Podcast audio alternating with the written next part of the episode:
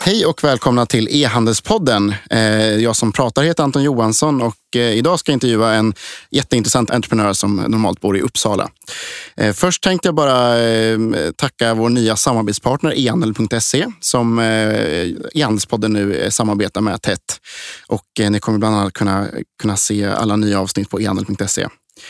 Som vanligt vill jag även tacka eh, Contentor, vår sponsor som hjälper till med översättningar och eh, texter till din e-handel eh, som är jättebra att jobba med. Jag håller på att jobba med dem jättemycket just nu. Får, får hela, nya texter på mejlen varenda dag. Och även till Aper som hjälpt mig spela in det här. Och då raskt över till John. Välkommen till podden. Tack så mycket. Eh, du kan väl bara börja med att berätta vad du heter och, och vad din bakgrund är? Ja, eh, John Lundqvist då. Eh, bakgrunden är väl att jag, jag sitter här idag som entreprenör och ägare och grundare av The Friendly Swede. Bakgrunden är väl lång, jag vet inte om jag ska dra hela den. Eh, börja från början. Börja från början. Eh, jag är då 39 år gammal eh, och kom igång med entreprenörskap ganska sent i livet. Eller egentligen ganska tidigt, för jag hade alla små möjliga företag när jag var liten. Jag knackade dörr och sålde lotter och sålde jultidningar och sålde begagnade moppar och allt man himmel och jord. Eh, sen kom jag igång på universitetslinjen och tappade väl all den där entreprenörsknistan under tiden jag pluggade på universitet. Vilket säger en del om svenska universitetsväsendet kanske. Vad pluggar du för något? Eh, ekonomprogrammet och även eh, psykologi faktiskt. Så jag har dubbelexamen därifrån. Sen när jag var klar så fick jag för mig att ja, då skulle man ju ha jobb, då, för det var det alla andra gjorde. Liksom alla sökte jobb och alla skulle få jobb. Det var liksom ingen som startade eget. Verkligen ingen. Eh, och jag kom in på ABBs traineeprogram och det var väl bra. Eh, och jag var kvar på ABB sen i, ABB är ett svenskt stort industriföretag kanske jag skulle tillägga, eh, i Västerås. Så jag var kvar på ABB då, inom olika roller i kanske fyra, fem år i Sverige och utomlands. På pappret lät det jättebra och det var ett väldigt bra jobb, en bra utmaning, men det var liksom inte, inte för mig. då. Så att eh, jag sa upp mig och tänkte nu ska, nu ska det bli roligt liv. Nu ska jag börja på Adidas istället. Så jag började jobba på Adidas eftersom jag är sportintresserad. Och eh, lik förbannat så var det samma sak där. Att jag satt och flyttade siffror i Excel och rapporterade siffror till Tyskland eller, eller Schweiz eller vad det nu var. Då. Så jag sa upp mig efter två månader eh, och började spela poker. Um, och, uh, hade du ja. spelat poker någonting då innan? Eller var det... Ja, jag hade spelat liksom lite på skoj. Jag märkte att jag vann då. Alltså att det gick bra. Men jag hade liksom inte spelat jättemycket. Men jag, jag trodde väl jag skulle kunna försörja mig på det. Eh, och det kunde jag också, men det, det, var ändå liksom, det var en ganska jobbig tillvaro. Det svänger väldigt mycket poker. Och man kan spela väldigt bra och förlora och man kan spela dåligt och vinna och så vidare. Och det går upp och ner. Liksom. Och det tär lite på psyket känner jag. Men det var mest online fortfarande? Så det... Ja, det var, det var bara online liksom, där inkomsten kom. Sen spelade jag vid sidan om med kompisar, men det var liksom mera en kul grej. Då. Ehm, så att, eh, det gjorde jag väl sen under ett antal år, när jag, parallellt som jag reste jorden runt och liksom jobbade som lärare ett tag och pluggade olika saker och läste språk. Och som försökte hitta stimulans utanför, eh, utanför själva spelet, då, som kanske inte alltid var så kul. Eh, och sen efter ett tag så fick jag för mig att jag skulle bli psykolog på riktigt, så jag flyttade till Uppsala för att läsa psykologprogrammet. Eh, hoppade av det efter, vad var det, fyra månader tror jag, eller något sånt. Eh, och fokuserade på pokern och på riktigt och skaffade en, en egen psykolog som skulle hjälpa mig med den mentala biten av spelet för att kunna behärska den bättre. Och, ja, det var en lång historia där. Men, men hur som helst, jag hade undervisat då innan, hade undervisat i ung företagsamhet på, eh, på ett gymnasium. Och då var det en av mina gamla elever som ringde mig och sa, du jag ska till Kina nu och hälsa på en av dina gamla kompisar som jag hade hjälpt honom då att komma i kontakt med. Vill du följa med? Då tänkte jag, ja det kan vi göra, jag har ingenting för mig. Så jag, jag följde med honom till Kina och så träffade jag en av mina gamla kompisar där i Kina. Han hade startat någon liten, liten e-handelsgrej där han köpte billiga saker i Kina och sålde dem lite dyrare på Amazon i USA. Och där började väl liksom min resa kan man säga. Då. Så han sa, jag kan hjälpa dig att komma igång. Tänkte ja, bra, då gör vi så. Eh, så jag började med att köpa 100 telefonskal var det väl och så sålde jag dem i USA och sålde dem för dubbelt så mycket som jag hade köpt dem för på Amazon i USA. Och det, då tyckte man, liksom, på den tiden så var det ganska dålig konkurrens, så det var enkelt. Man, man köpte någonting i Kina och så, så sålde man det i USA dyrare. Det var liksom Vilken så... tid är vi nu? Vilket år är det ungefär? 2011 i juni mm. var det det började. Då. Så det var tre år och eh, fyra månader sedan, fem månader sedan. Men då var du i Kina och sourcade de här grejerna också? Ja, precis. Det, det, var ju ett, ett äventyr i sig. Då, för jag sprang runt där och kunde ingen kinesiska. Jag sprang runt där på någon kinesisk marknad där det var hur stojigt som helst och ingen kunde engelska och försökte köra teckenspråk där jag skulle liksom upphandla mina 150 telefonskal eller vad det nu var. Det var ju rena rama alltså, amatörssoppan. Då. Men det gick i alla fall. Jag fick med mig några produkter hem varje gång jag var på den här marknaden och så, så skickade jag iväg dem till USA, då, till, till Amazon som sen i sin tur skickade ut dem till kunden när jag fick eh, försäljning. Då. Så du använder deras fulfillment center? Exakt. Ja. Amazon har något som heter fulfillment by Amazon som innebär att man, man drar iväg grejerna till dem och sen, eh, man är själv säljare men det är Amazon som sköter liksom själva orderhanteringen och, eh, och själva skeppningen och även returhanteringen. Så jag behövde aldrig bry mig liksom om frakten till kund och, och returhanteringen från kund. Däremot så var jag tvungen att skicka grejerna till Amazon i USA. Då. Men, men eh, det kom igång ganska snabbt. Jag, liksom, jag hittade väl hyfsat bra produkter som jag lyckades sälja. Och liksom jag fick det att snurra i alla fall, då, så att pengarna kom tillbaka som jag hade investerat. Eh, men då insåg jag ju samtidigt att det där är ju nog inte framtiden att hålla på och köpa grejer eh, och så sälja dem eh, dyrare utan förädling, för det kan ju vem som helst göra egentligen. då. Så det dröjde väl bara några månader innan jag drog igång det egna varumärket som, som är anledningen till att jag sitter här idag. Då. Eh, och då satt jag där och funderade på vad ska det heta och tänkte ja, men jag är svensk, så det ska ha något med Sverige att göra. Liksom. För folk, jag trodde i alla fall att folk associerade Sverige med, med kvalitet och, och det var positivt.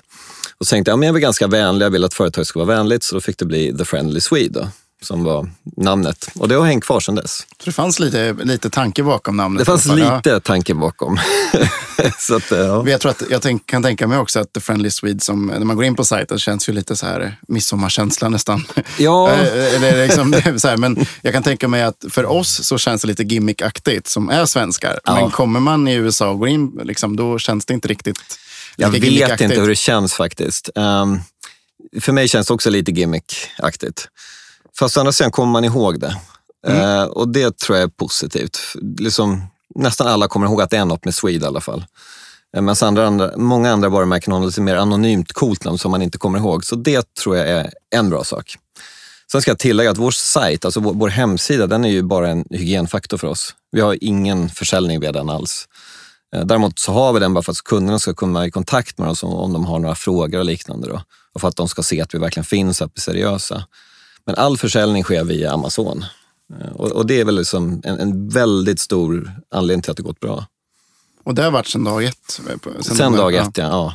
Vi har haft liksom några så små försäljningar utanför Amazon, men det har alltid varit så struligt och då ska man ha en process för det, liksom med, med fakturering och kreditkontroll och kunder och frakta separat. Och, så vi har liksom sagt att vi, vi fortsätter fokusera på Amazon. De är jättestora verkligen och finns i massor med länder och i fler varje år. Liksom.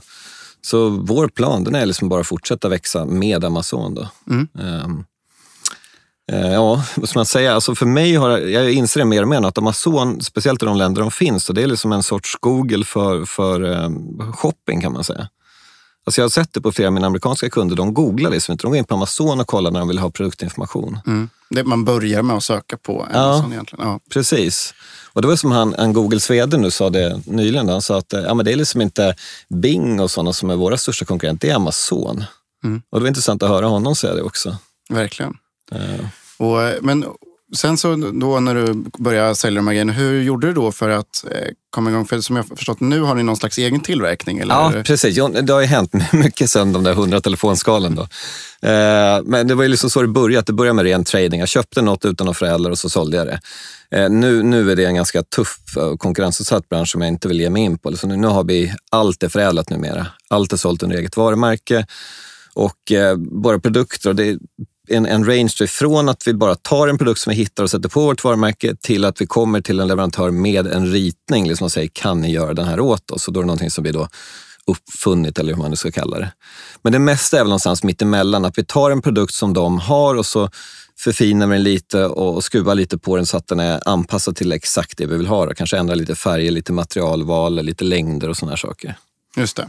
Och, men, och det är inte mobilskal längre? Bara Nej, jag ska tillägga det. Vi har ju lite mobilskal kvar, men det är sånt som ligger kvar i lager som, som, liksom, som vi inte kommer fylla på när det är slut. Då.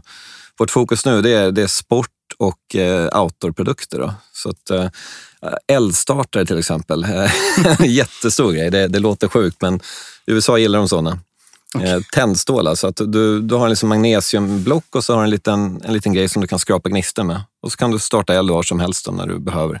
Och ni säljer massor sådana helt enkelt? Massor sådana under vårt varumärke. Då. Ja. Så, så, gå in på Amazon och sök efter Firestarter så kommer ni se våran, liksom, en av våra storsäljare där. Mm. Men äh, då när jag tänker nu, nu, nu liksom, sourcar ni förutom att sourca själva produkterna då, eller liksom, som ni förädlar, mm. kollar ni även ganska mycket konkurrens på Amazon då? Att försöka absolut. gå in i nya segment hela tiden? Och... Ja, inte, ja absolut. Alltså, det är ju nummer ett. Var, varje gång innan vi, vi, vi släpper en produkt, eller varje gång innan vi ens påbörjar liksom ett projekt för en produkt, då tittar vi på Amazon. Hur ser konkurrensen ut och eh, hur ser efterfrågan ut?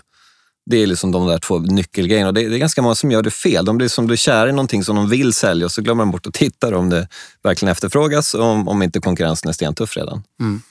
Så, att, eh, ja. så, så, det är mycket så här, kolla vart det finns hål på Amazon egentligen och börja ja. fylla dem. Och då hela, så det måste göra att det måste vara ganska dynamiskt. Ja, extremt. Eh, att man så här, hela tiden måste leta nya produkter. Man måste alltid ligga före. Det, är liksom, det har alltid varit vår, vår grej. Alltså, vi ska alltid vara före på den här, liksom den här bell curve. Då, att man ligger före alla konkurrenter, inte när den stora massan börjar göra något, utan vi ska vara där liksom i ett tidigt skede. Först eller bland de första. Och du, du sa att ni är sport och outdoor och, sådär, ja, och friluftsliv. Det, det, är ju en jättebra kategori. Sådär. Eh, ja, vi tycker tänk, det. Tänk, ja, men det är en bra kategori även liksom, i många sammanhang. Sådär. Eh, och, och på uppgående rent generellt, alltså, ja, inte bara på Amazon. Men eh, jag tänker, finns det då, eftersom ni är ändå på Amazon, så det, finns det en poäng för er där att ha bara sälja era, den typen av produkter? Eller kan ni lägga ut liksom en produkt som har med något helt annat att göra? Som har med eh, heminredning att göra också? Ja. Eller, eller finns det fortfarande den här varumärkesgrejen i Amazon på något sätt som påverkar er? Nej, det är inte, jag trodde det påverkade mer i början. Liksom bara, Gud, vad ska folk tro när de ser telefonskal samtidigt som vi har liksom högkvalitativa eldstartare? Men det verkar inte vara något, något problem faktiskt. Eh, men sen, sen, vill vi och jag och vi som jobbar på företaget nu, vi vill liksom renodla oss mer mot sport och, liksom, och outdoor. Mm. Fast jag tror inte det är ett större problem på Amazon. Vi har även vissa grejer som hänger kvar. Vi har till exempel några, eh, vad heter det, såna här små tea-infusers till exempel. Okay. Och vi har även några såna här eh, grillhandskar. Så vi har, vi har några så udda saker som vi säljer fortfarande. Var det några så tydliga händelser eller milstolpar som hände som gjorde att det tog fart riktigt mycket? Eller ja. började det gå bra direkt? Alltså det gick ganska bra direkt, men, men nu ska man ju, alltså allting är relativt. Jag jobbade 80 timmar i veckan under säkert två års tid, så det var liksom inte att det bara hände av sig självt. Eh, och då var man där i Kina och bodde liksom i en lägenhet som jag inte alls trivdes i, som hade knallblåa väggar och vår lägenhet var även vårt kontor och även vår, vårt vardagsrum var då vår packaging area. Och då hade vi liksom kineser som kom in och hjälpte oss att packa då varje dag. Liksom. vi, vi bodde på jobbet kan man säga bokstavligen. Då. Eh, och då var det jag och en annan kille som startade varsin grej då samtidigt. Eh, fast vi samarbetade mycket i början och det var en viktig grej liksom för att inte dö av eh, jobb och uttråkande då, kan man säga. Mm. Men, men när det gäller milstolpar så var det ju, den största milstolpen för mig, det var när jag liksom körde eget varumärke istället för att skita i förädlingen. Då. För då helt plötsligt har man en helt annan kontroll och man bryr sig mycket mer om produkten man säljer om den ens egen.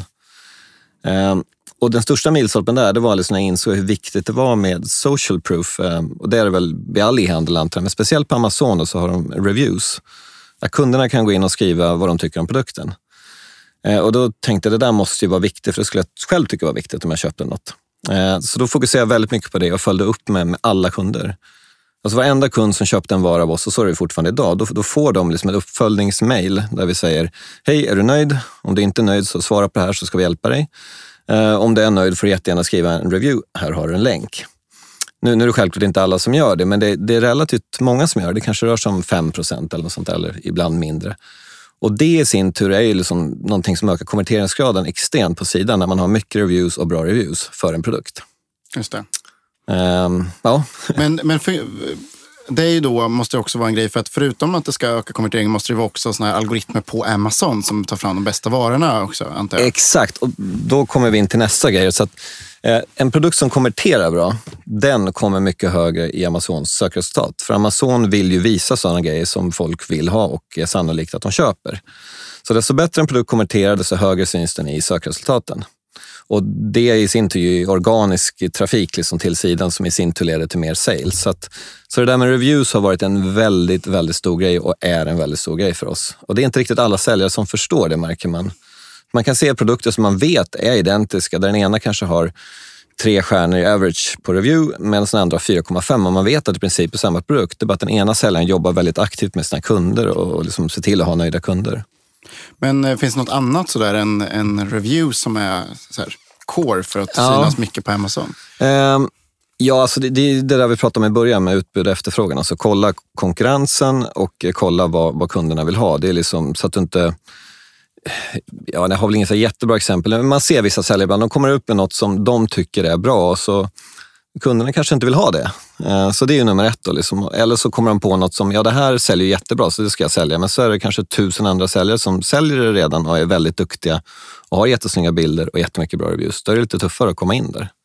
Just det. Men ja. hur funkar det annars? Är det så produkttexter eller något annat? Om ja, bilder. Bilder är eh, alltså, viktigt. Alltså, main image, om jag skulle säga det som jag tror och min, enligt min erfarenhet är viktigast, det, det som är huvudbilden. Man kan ha nio bilder, men huvudbilden är jätteviktig för det är den som syns i, i thumbnail då, när du söker. I sökresultaten får du en liten, liten thumbnail och så får du titeln och så ser du reviewsen.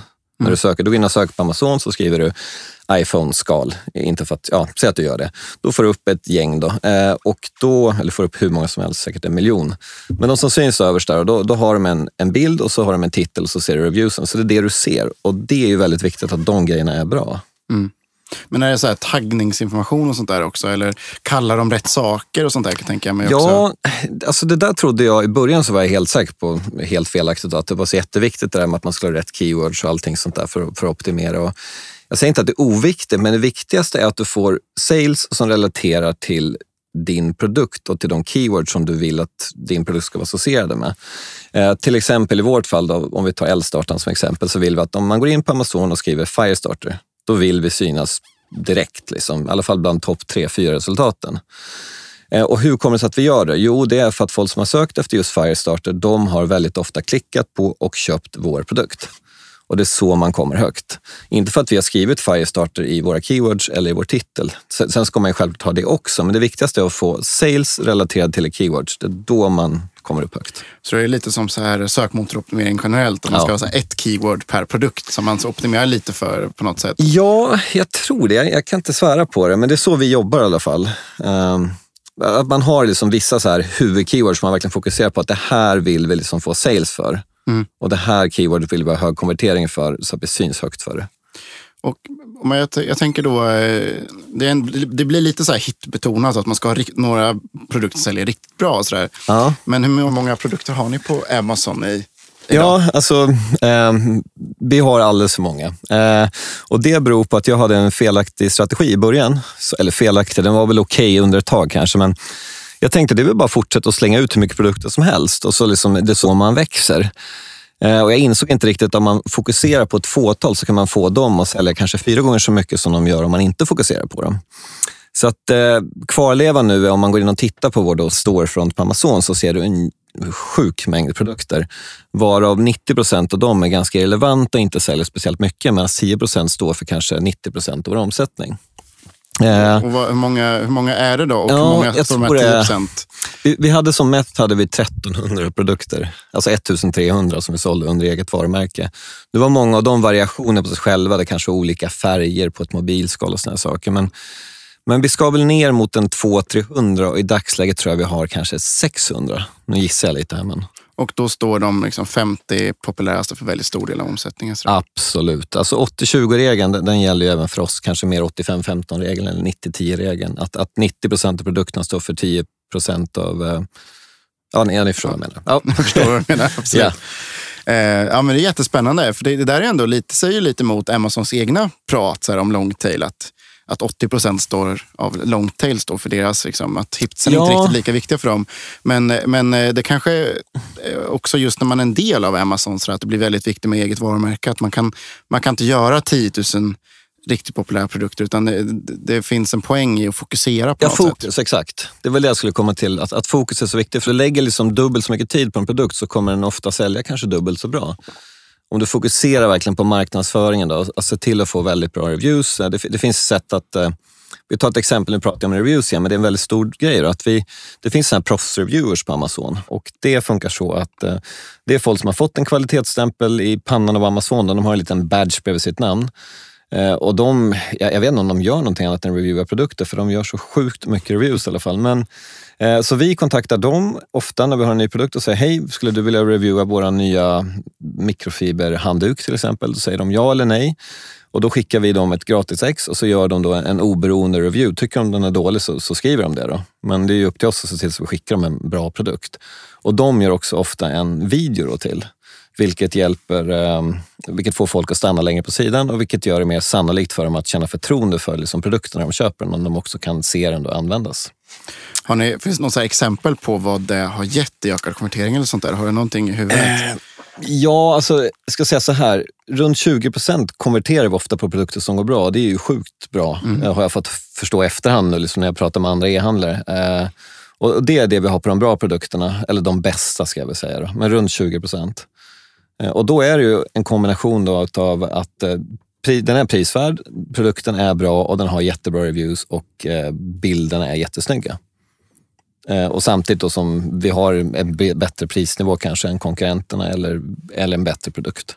Ja, jag tänker att pris och sånt också påverkar ganska mycket. Man måste ändå ja. vara lite noggrann med att konkurrenterna inte drar ifrån. Liksom, Nej, precis. Alltså, det där är ju en del. Vi bevakar ju dagligen, på våra bästsellers så bevakar vi dagligen vad gör konkurrenterna och eh, så justerar vi priserna vid behov. Då. Och även åt båda hållen. Då. Under julen så brukar det bli så att man höjer priserna för liksom efterfrågan ökar och en del konkurrenter får slut på lager kanske och efterfrågan skjuter i höjden som tusan och då är det liksom läge att eh, försöka tjäna en slant på det. Och ni har inget verktyg för det utan det är ganska manuellt? Det, är, det är manuellt. Eh, vi har diskuterat det här, liksom att det finns ju en massa verktyg för för att justera priser. I början när jag började sälja Amazon, jag sålde generiska varor då, liksom utan att förädla, då hade jag en, en repricer som justerade mina priser baserat på liksom vad konkurrenter hade för priser och så automatiskt.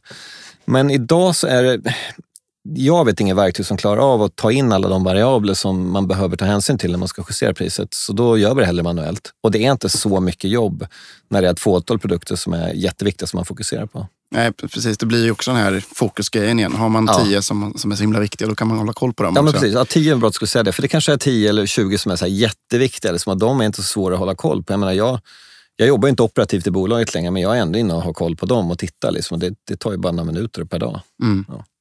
Men sen så, eh, det går att betala sig till framgång också, eller på något sätt till att synas mer. Och hur funkar det då Just i så fall? Det. Bra. Eh, jo, Amazon har något som heter sponsored ads. Eh, och det, det är att du betalar eh, ja, det pay per click, alltså, som mm. jag antar att det är på, på Google också, som vi inte använder. Eh, och det funkar bra. Då väljer du ett antal keywords och så när någon söker efter till exempel då Firestarter, tar det som exempel igen. Eh, då får kunden upp en annons i, till höger eller längst upp då, för den produkten som man har valt och så betalar man om kunden klickar på den annonsen. Eh, och det fungerar olika beroende på vilka keywords du väljer. Vissa keywords är inte alls speciellt hårt eh, konkurrensutsatta medan vissa är extremt konkurrensutsatta.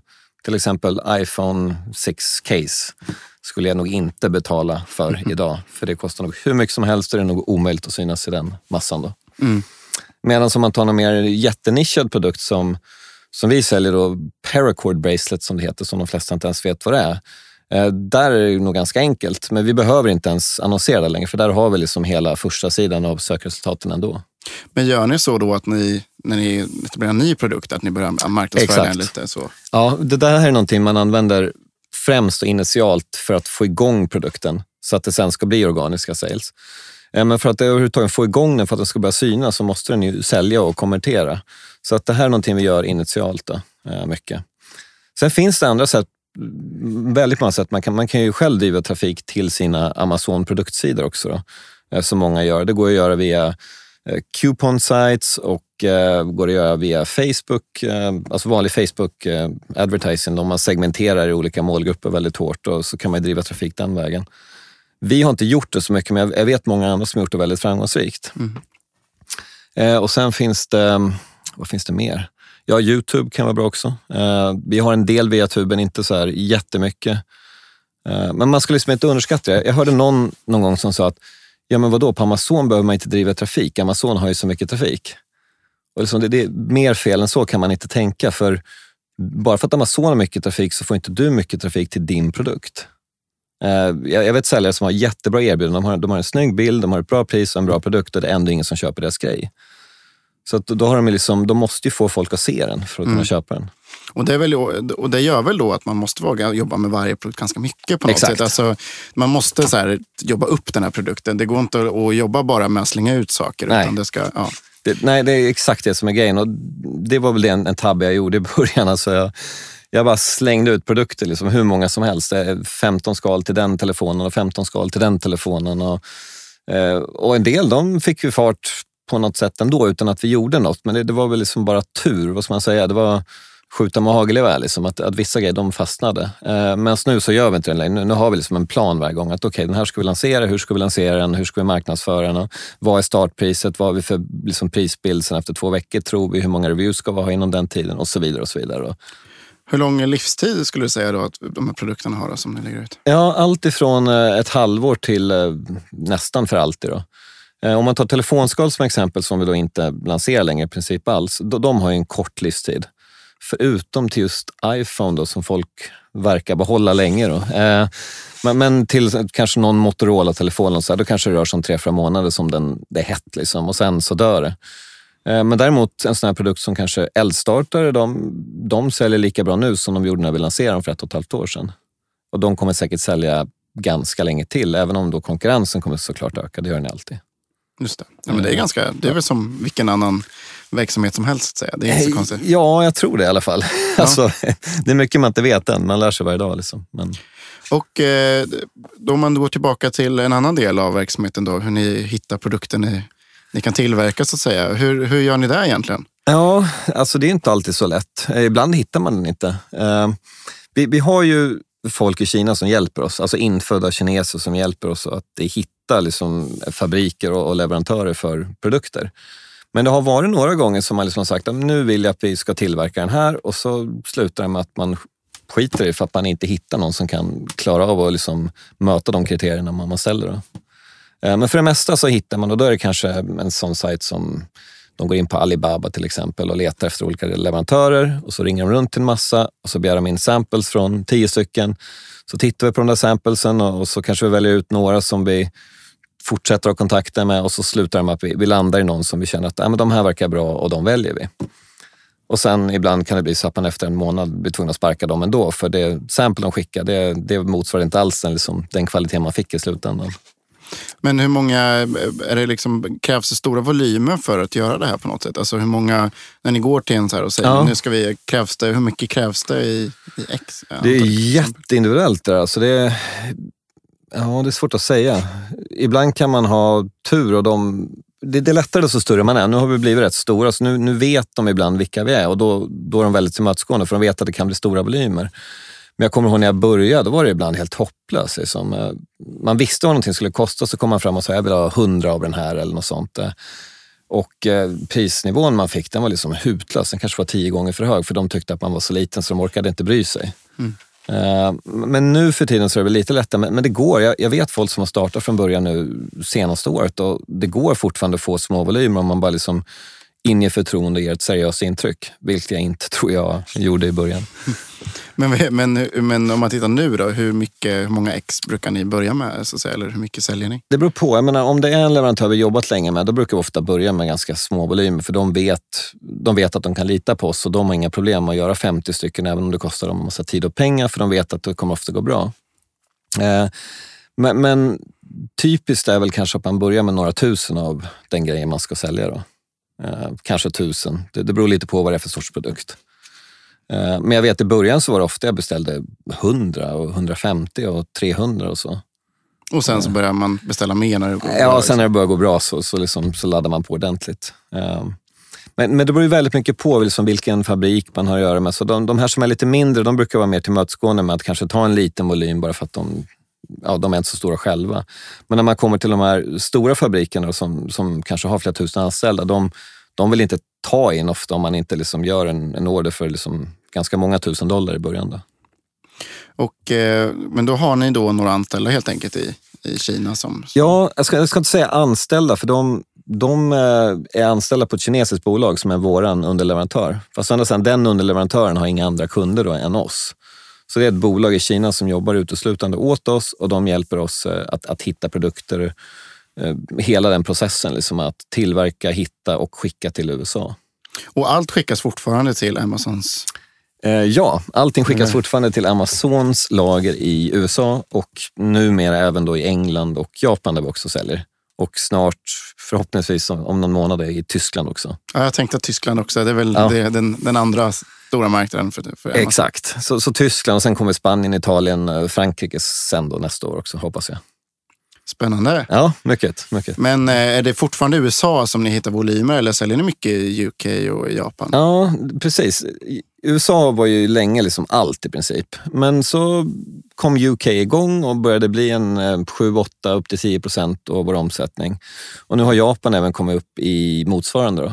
Så att eh, nu är det väl, jag tror det är kanske 75, 15, 10 om man tittar. Då. Eh, och då är det eh, USA, Japan och England då som är tian. Japan är den som vi tror mest på just nu, för där är konkurrensen relativt låg och eh, ja, det, det, liksom, det, finns många människor där och Amazon verkar vara relativt stora i Japan. Mm. Och ni använder inga konkurrenter till Amazon, alltså andra marknadsplatser, utan det är bara utes, uteslutande via dem? Ja, det har blivit så. så vi har ju funderat, vi har provat lite utanför. Eh, vi provade att sälja Sydafrika en kort period och, och skeppade själva och så. Det var ju en lärorik resa, liksom, men det, eh, det är inte samma grej. Det är en annan marknadsplats, ett annat upplägg och dessutom det där med att skeppa själv är en, ja, det är en utmaning i sig som jag helst liksom inte vill bli bra på. Hela liksom logistik och orderhanteringen och allt det där, det, det kräver en, en massa resurser. Liksom. Så då föredrar jag bara kunna fokusera på produktutveckling, produktkvalitet och, och kundservice, då, marknadsföring. Men, ehm, men det skapar väl också, jag vet inte, hur, är det dyrt att ha sina grejer skeppade via Amazon eller deras ja. lager och sådär? Eller hur ser prisbilden ut så att säga? Känns det som en... Eh, det känns väldigt konkurrenskraftigt. Mm. Eh, det var några, jag har ju själv kollat runt på alternativ ibland, för jag har sett att det är andra som skeppar själva och tänkt, hmm, undrar liksom hur det där funkar. Så då ringde jag runt till en massa olika fulfillment services i USA och kollade, men det var ingen där som kunde slå den prisbild Amazon erbjöd. Då. Det är bra. Ja, mm. så det var, det var ju bra. Då var det en no-brainer att stanna kvar. Ja, ja, det var det verkligen. Ja, alternativt skulle det vara att skeppa själv, då, men då, då tillkommer en massa problem där. Eh, och I vårt fall skulle det vara att skeppa själva från Kina, vilket gör att det kanske tar 20 eh, dagar innan kunden får produkten. Och Då får man helt plötsligt problem med kundnöjdhet och sämre reviews och produkten kanske uppfattas som billigare eftersom det syns att den kommer från Kina och så vidare.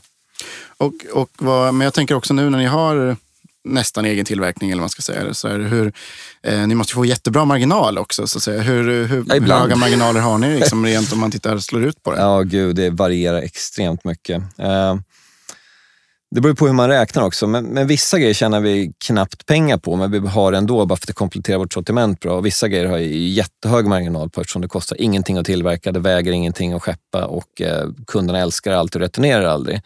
Så att det, det varierar allt ifrån att man jag har en 30 procent upp till flera hundra procent. Mm. Um, så, så att det, det, kan variera extremt beroende på vilken produkt vi pratar om. Då. Men då tar man också lite risk eftersom man har tillverkat Exakt. och beställt en hel del också. Absolut, och det, det är alltid risk. Jag menar, det är ju, ja, gud. Um, det är ju flera tillfällen som man har fått i princip slänga grejer. Då. För när vi väl har skickat det till USA och det sitter fast där på Amazon, det är svårt för oss att göra någonting annat med grejen då än att sälja det på Amazon. Eh, jag kommer ihåg det var ett tillfälle jag var tvungen att slänga 24 000 kablar. Mm. Eh, och det var inte kul. Då hade man ändå betalat 90 eh, cent styck för dem där, så det var dryga 20 000 dollar som gick åt skogen. Och då var det några sådana gånger där, där, man har liksom gjort bort sig. Det har blivit något kvalitetsproblem som man fångat upp för sent och, och man uppfattar det först när produkten satt på Amazon och då var det för sent att göra något. Just det. Och hur funkar det här med kundtjänst? Då? Liksom, det, går det via dem eller är det direkt med er som kunderna pratar? Gud, jättebra fråga också. Eh, jo, eh, det där är en jättestor grej för oss. Någonting vi investerat väldigt mycket mm, tid, och pengar och resurser i liksom att få till. Amazon har ju egen kundtjänst som är jättebra. Men det som de står för, det är det som har med orderhanteringen, betalningen, returhanteringen och det att göra. Allting som rör produktens kvalitet och funktionalitet, det är ju oss. Liksom. Det, är, det är ju vi som besvarar de frågorna. Alltså vi har fyra stycken tjejer i USA som jobbar uteslutande med kundservicefrågor. Eh, allt ifrån hur eh, fungerar de här skosnörena som jag köpt till eh, min sladd är trasig och jag vet inte hur jag ska använda den. Eh, allt sånt där. Ehm, och då, har vi liksom en, en policy att inom 24 timmar ska de alltid få svar och det får de. Alltså det är vi anala med, det ska liksom ske. Inom 24 timmar ska de få svar. Eh, och vi löser alltid problemet. Eh, och det, lösningen brukar ofta innebära att vi skickar en ny produkt till dem, så länge de kan liksom bistå med information som hjälper oss. Typ en bild på vad har hänt eller beskriva vad som har hänt. Eh, så, så, det är vi väldigt Men är de här noga anställda av, av er då? Så att säga? Ja. Ni har hittat de här och de, alla har tillgång till alla produkter så de kan se vad det är för någonting? eller Ja, precis. Det är också en lång historia som allting annat. Men det började med att jag tröttnade på att göra det där själv. För jag satt ju själv med allt det här ett tag. Och det, alltså, desto mer man säljer, desto mer sådana frågor blir det. Och till slut så satt man ju dygnet runt och bara skickade kundmail och det går ju inte. Um, så att Um, det började med att jag frågade min revisor om han kände någon som kunde hjälpa mig. Och då fick jag via honom kontakt med en amerikansk tjej som bodde i Uppsala vid tillfället. Eh, och hon började jobba deltid åt mig. Eh, och sen vi fortsatte växa och då frågade hon, du min syrra behöver jobb, kan inte hon också få jobb? Och hon bodde i USA. Eh, och då började hon jobba och hon visade sig vara jätteduktig. Eh, och sen flyttade den här andra tjejen till USA så småningom, så bodde båda de två i USA. Och så fortsatte vi växa och så har vi anställt två av deras kompisar också nu då, sen dess. Så att, Det var Ja. ett väldigt eh, random eh, sätt att rekrytera kundtjänst på, men det låter jättebra. fast det har gått väldigt bra eh, som tur är. Den ena tjejen, då, hon, nummer två som vi anställde, hon är numera chef för vår kundservice. Då. Och roddar även ett team som vi har på Filippinerna som jobbar med mer så basic-frågor. Så ni har lite folk där också? Som, eller, Vi har, vi har folk på Filippinerna, vi har fyra eller fem tror jag som vi har på Filippinerna.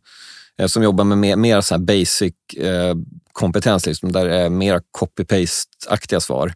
Medan allt som kräver liksom rejäl eftertanke och kunskap om produkten, då, då sköts det av tjejerna i USA. Så man kan säga att ni har åtta pers som bara jobbar med kundtjänst? Ja, fast de är ju deltid alla utom två, då, ska tillägga. Ja. Eh, Men, men ja, det, så är det.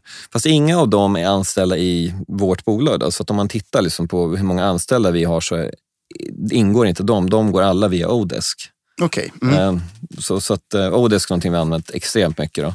Nu har vi inte hittat de här personerna på Odesk. så kan vi, det är bara ett enkelt sätt att betala då independent contractors. Men, och, och sen så, du sa här innan vi började spela in här att ni, har, ni är fem stycken i Sverige också. Ja, precis. Eh, Jag är då inte vd längre. Det blev jobbigt att jobba 80 timmar i veckan hela tiden. Så, och då var det en tjej som började jobba deltid åt mig under, eh, i början där. Så hjälpte hon mig att få ordning på det här med legal struktur och allt det skattetekniska. Det var liksom en soppa i början. Jag var jättefokuserad bara på att sälja och allt annat fick liksom stå vid sidan. Så det var, det var en ganska röra där, liksom med allt mellan bolagsstruktur. Jag hade ett amerikanskt bolag i början, vilket var fel visade det sig. Jag hade liksom ingen, ingen koll på, det låg kvitton och papper. Alltså det var en soppa administrativt. Hon kom in och hjälpte väldigt mycket och jobbade mer och mer åt mig vid deltid och vid, vid sidan av studierna. Eh, och sen när hon var klar med juristprogrammet så började hon heltid och det var väl oklart då vad hon skulle göra egentligen. Men jag bara visste att hon var jätteduktig och jag ville ha med henne. Så jag sa, kan inte du fortsätta jobba åt oss? Och då tackade hon ja till det. Eh, och arbetsbeskrivningen var oklar, men hon skulle i alla fall jobba heltid. Eh, men bara efter några månader så insåg jag liksom att det här, gud hon är ju världsklass som jag trodde. Och så sa jag, kan inte du liksom ta ansvar för England? För det var, vi hade dragit igång England, men ingen hade fokuserat på det. Och hon tog tag i det och fokuserade på det. Då gick England från att sälja några om dagen till hundra om dagen bara på en månad eller något sånt där, när hon tog tag i det. Och då var det så uppenbart att men det här är ju liksom, bättre person hittar jag inte. Och sa, du, vad säger du om att bli vd på sikt? Liksom? Och hon var positiv till det. Eh, och det här var då november förra året. Hon tillträdde som vd nu första april i år. Kul! Ja, och hon är helt fantastisk. Så. Och sen har ni några till personer. Vad gör de andra Exakt. personerna i, i Sverige? Ja, eh, de andra, då, då har vi en, alla är nya ställda precis, vi har ju bara funnits i, i några år. då. Vi har eh, en tjej som jobbar med juridiska frågor, då. det som den här första tjejen gjorde innan, men det hinner hon inte nu när hon ska vara VD. Hon jobbar med allt som har med, med patent och varumärken och eh, produktcertifikat, allt sånt där man måste ha koll på. Eh, när man säljer på olika marknader så är det olika regelverk som gäller och Eh, man ska ha certifikat för det ena och andra. Man ska ha koll så man inte gör intrång på någons patent, inte på någons varumärke. Och man ska dessutom ha koll på andra som försöker göra intrång på ens egna varumärken och, och allt sånt. Och så det är mycket med det. Och så en tjej som jobbar bara med eh, liksom, reorders, eh, med prissättningar, med, alla former av marknadsfrågor. Så hon jobbar heltid med det. Det är hon som kommer sitta nu under julen och höja våra priser förhoppningsvis. Och ha koll på konkurrenternas prissättning och så. Och så har vi även en som jobbar deltid som, som assistent till henne, eller två tror jag nu. Ja. Kul! Och så jag. Ja. Och så du. Ja. Exakt. Ja, men det låter ju jättespännande. Och, Ja. och, eh, startade 2011 sa du va? Ja, precis. Första sale tror jag vi hade i juni eller juli 2011. Och sen kan du inte förklara hur det har gått då, omsättningsmässigt och sådär, Ja. försäljningsmässigt? Ja, nu har jag inte exakta siffror i huvudet, men första året tror jag vi omsatte kanske en miljon. Då. Och andra året så vart det väl... Det svenska bolaget startade sent, så det syns inte i de svenska bolagens siffror det här. Men om jag bara tittar på Amazon-statistiken så, så andra året var väl kanske 10 miljoner och tredje över 20. Då. Eh, och om jag tittar bara på år så ska vi väl omsätta runt 60. Det är ju en fantastisk utveckling. Ja, det är skitkul. är det. Ja, verkligen. Och eh, med lönsamhet eh, hela Ja, tiden. vi, vi har haft lönsamhet från början. Har vi. Eh, Så det har varit kul. Man inte behövt, eh, även om det var, det var riktigt kärvt i början. För menar, man ska ju köpa grejer och sen ska man ju vänta tills de säljer innan man får igen pengarna. Så i början så var det kassaflödesproblem alltså konstant första sex månaderna som jag åt nudlar för 11 kronor och oroade mig för om jag skulle ha råd att betala löner och sånt. Då. Så att, men det löste sig då i och med den första julhandeln som brukar vara ganska bra. Så. Men det är ju en fantastisk resa. Hur, hur, eh, hur har det liksom påverkat dig då? Som, hur, du Det är skitkul. Nu, nu bor du i, i Uppsala igen. Ja. Liksom. Ja. Nej, men alltså det är ju det bästa jag gjort i hela mitt liv. Så känner jag. Alltså, och det jag försöker göra nu, det är liksom att, att investera i andra startups också, vara i kontakt med andra entreprenörer och ja, alltså bara inspirera andra att också starta eget egentligen. För jag, är det något jag ångrar så är det väl att jag inte gjorde någonting sånt här tidigare. Eh, att jag inte startade eget. Liksom när jag var liten så höll jag på med alla möjliga grejer som var entreprenöriga. Liksom. Och, och sen tappade jag helt det under kanske en tioårsperiod. Um, så att det, ja, för mig är det det bästa jag någonsin gjort. Då. Och det skulle jag nog tycka, även om det inte hade gått så jättebra ekonomiskt som det gjort. Då. Så. Ja. Kul. Ja. Ja. Och ja, men precis, du har, du har gått in som en liten delägare eller investerare i, i lite startups. Ja, jo precis. Det, det har varit så här, när jag kom tillbaka till Uppsala från Kina, jag var ju där, jag var i Kina i två år i princip heltid. När jag kom tillbaka så kände jag nu skulle jag vilja liksom vara med i andra startups också. Då tog jag kontakt med ett, eh, ett nätverk som heter Connect Uppsala, där de kopplar ihop investerare med, eh, med folk som, som behöver kapital. Och via dem så har jag investerat, eller inte direkt via dem kanske, men där träffade jag en annan kille som i sin tur ledde mig in till ett, ett företag som behövde eh, pengar och som, som skulle ha, ha delägare. Då. Eh, och de heter Kitchen Time och de delar vi numera lokaler med också. Så att, eh, då liksom det ena har lett till det andra. Då. De har jag intervjuat här tidigare. Så det Ja, det kul. har det. Ja. Ja, vad bra. Jo, jag är minoritetsägare i Kitchen Time. Då delar, vi delar även, sitter tillsammans med dem och spelar pingis med dem dagligen. ja, det är kul. Ja, absolut. Eh, och så några andra mindre bolag. Så ett, ett dataspelsföretag där jag gått in som liten delägare och, och eh, två andra Amazon-företag också. Då. Eller mindre liksom startups. Då, där jag gått in mest med kunskap kanske då, och är delägare. Och om, om, man, om man går tillbaka till den då, så här, om man tittar mer på eh, hur, hur tycker du möjligheterna att utnyttja marknadsplatser finns kvar? Så att säga? Finns det fortfarande öppningar för att börja sälja på Ja. Amazon eller ska man ge sig på Eh, här i Sverige har vi Fyndik som är ganska nya som går Ja. väldigt bra för till exempel. Så här, ska, man, ska man testa att bara sälja via dem eller vad, har du något råd där kring? Jag kan inte uttala mig om Fyndik. Jag har ju sett Fyndik eh, och det verkar lovande, men jag, jag har inte alls tillräcklig kunskap för att uttala mig. Det jag kan uttala mig om det är Amazon. Eh, Amazon i USA är ju mycket tuffare idag än det var för några år sedan. Däremot så är det ju inte mättat, men du måste vara mycket duktigare ändå. ändå.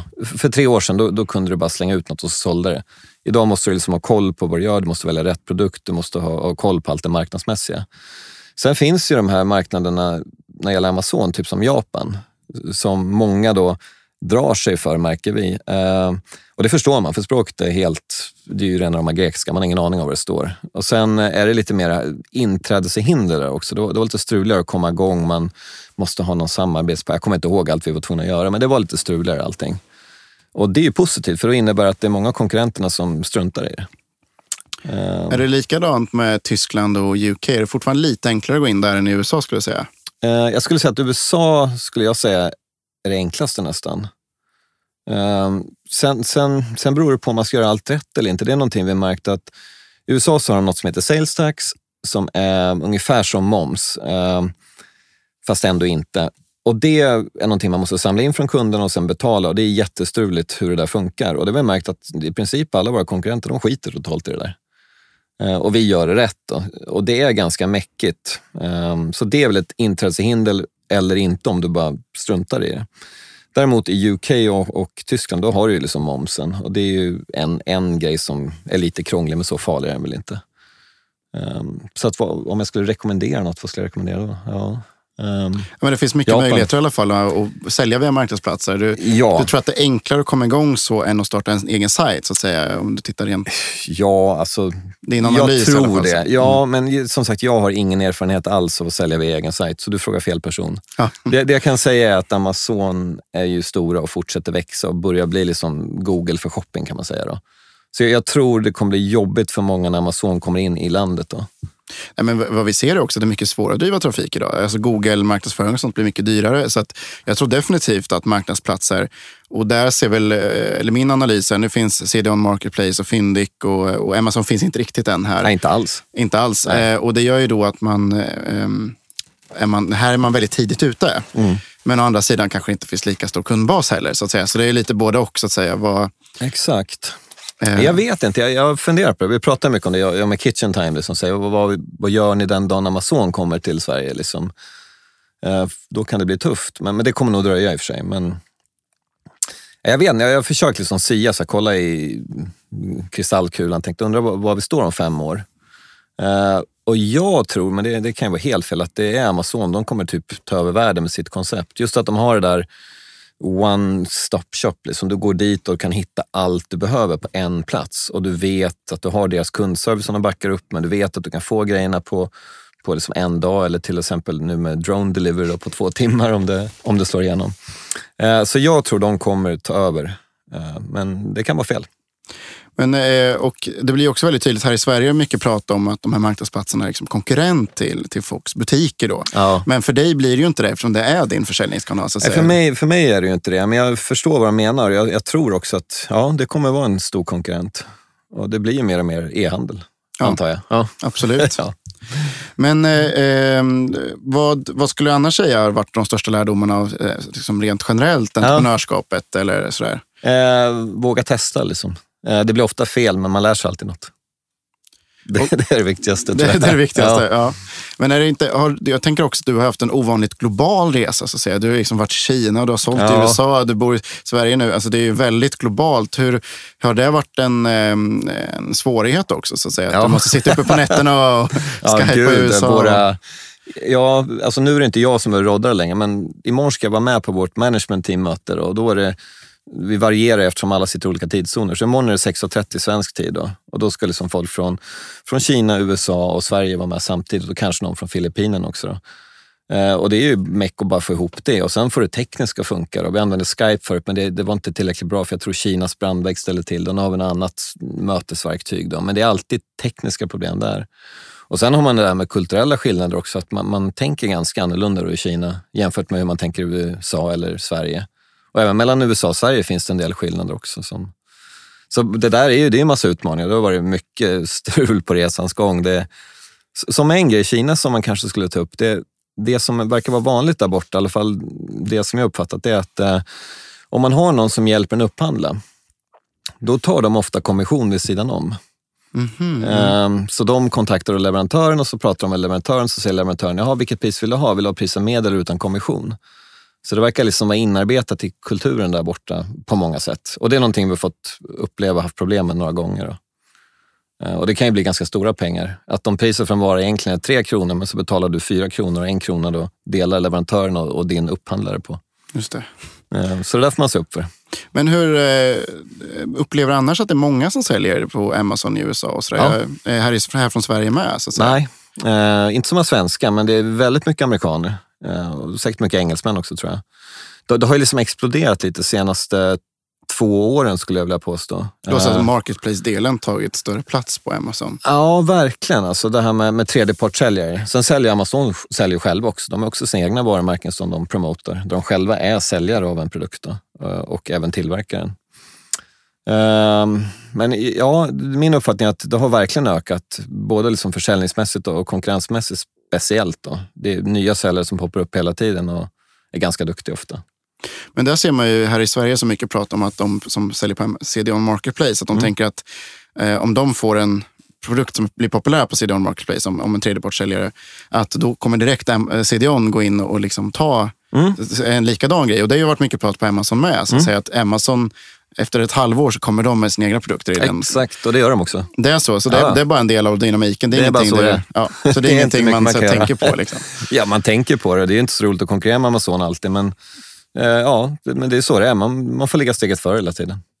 Ja. Ja, men det är skönt att man tänker affärsmässigt där, inte bara kliar sig i håret och irriterar. Nej, det, det är bara så det är. Liksom. De, de är stora, så att, eh, ja, det är väl mer en komplimang om de kommer att kopiera den. Mm. Eh, ja. Men ni gör ingenting så här när ni skickar till, till liksom lagret, att ni så här eh, döljer vilken tillverkare det varit eller något sånt där?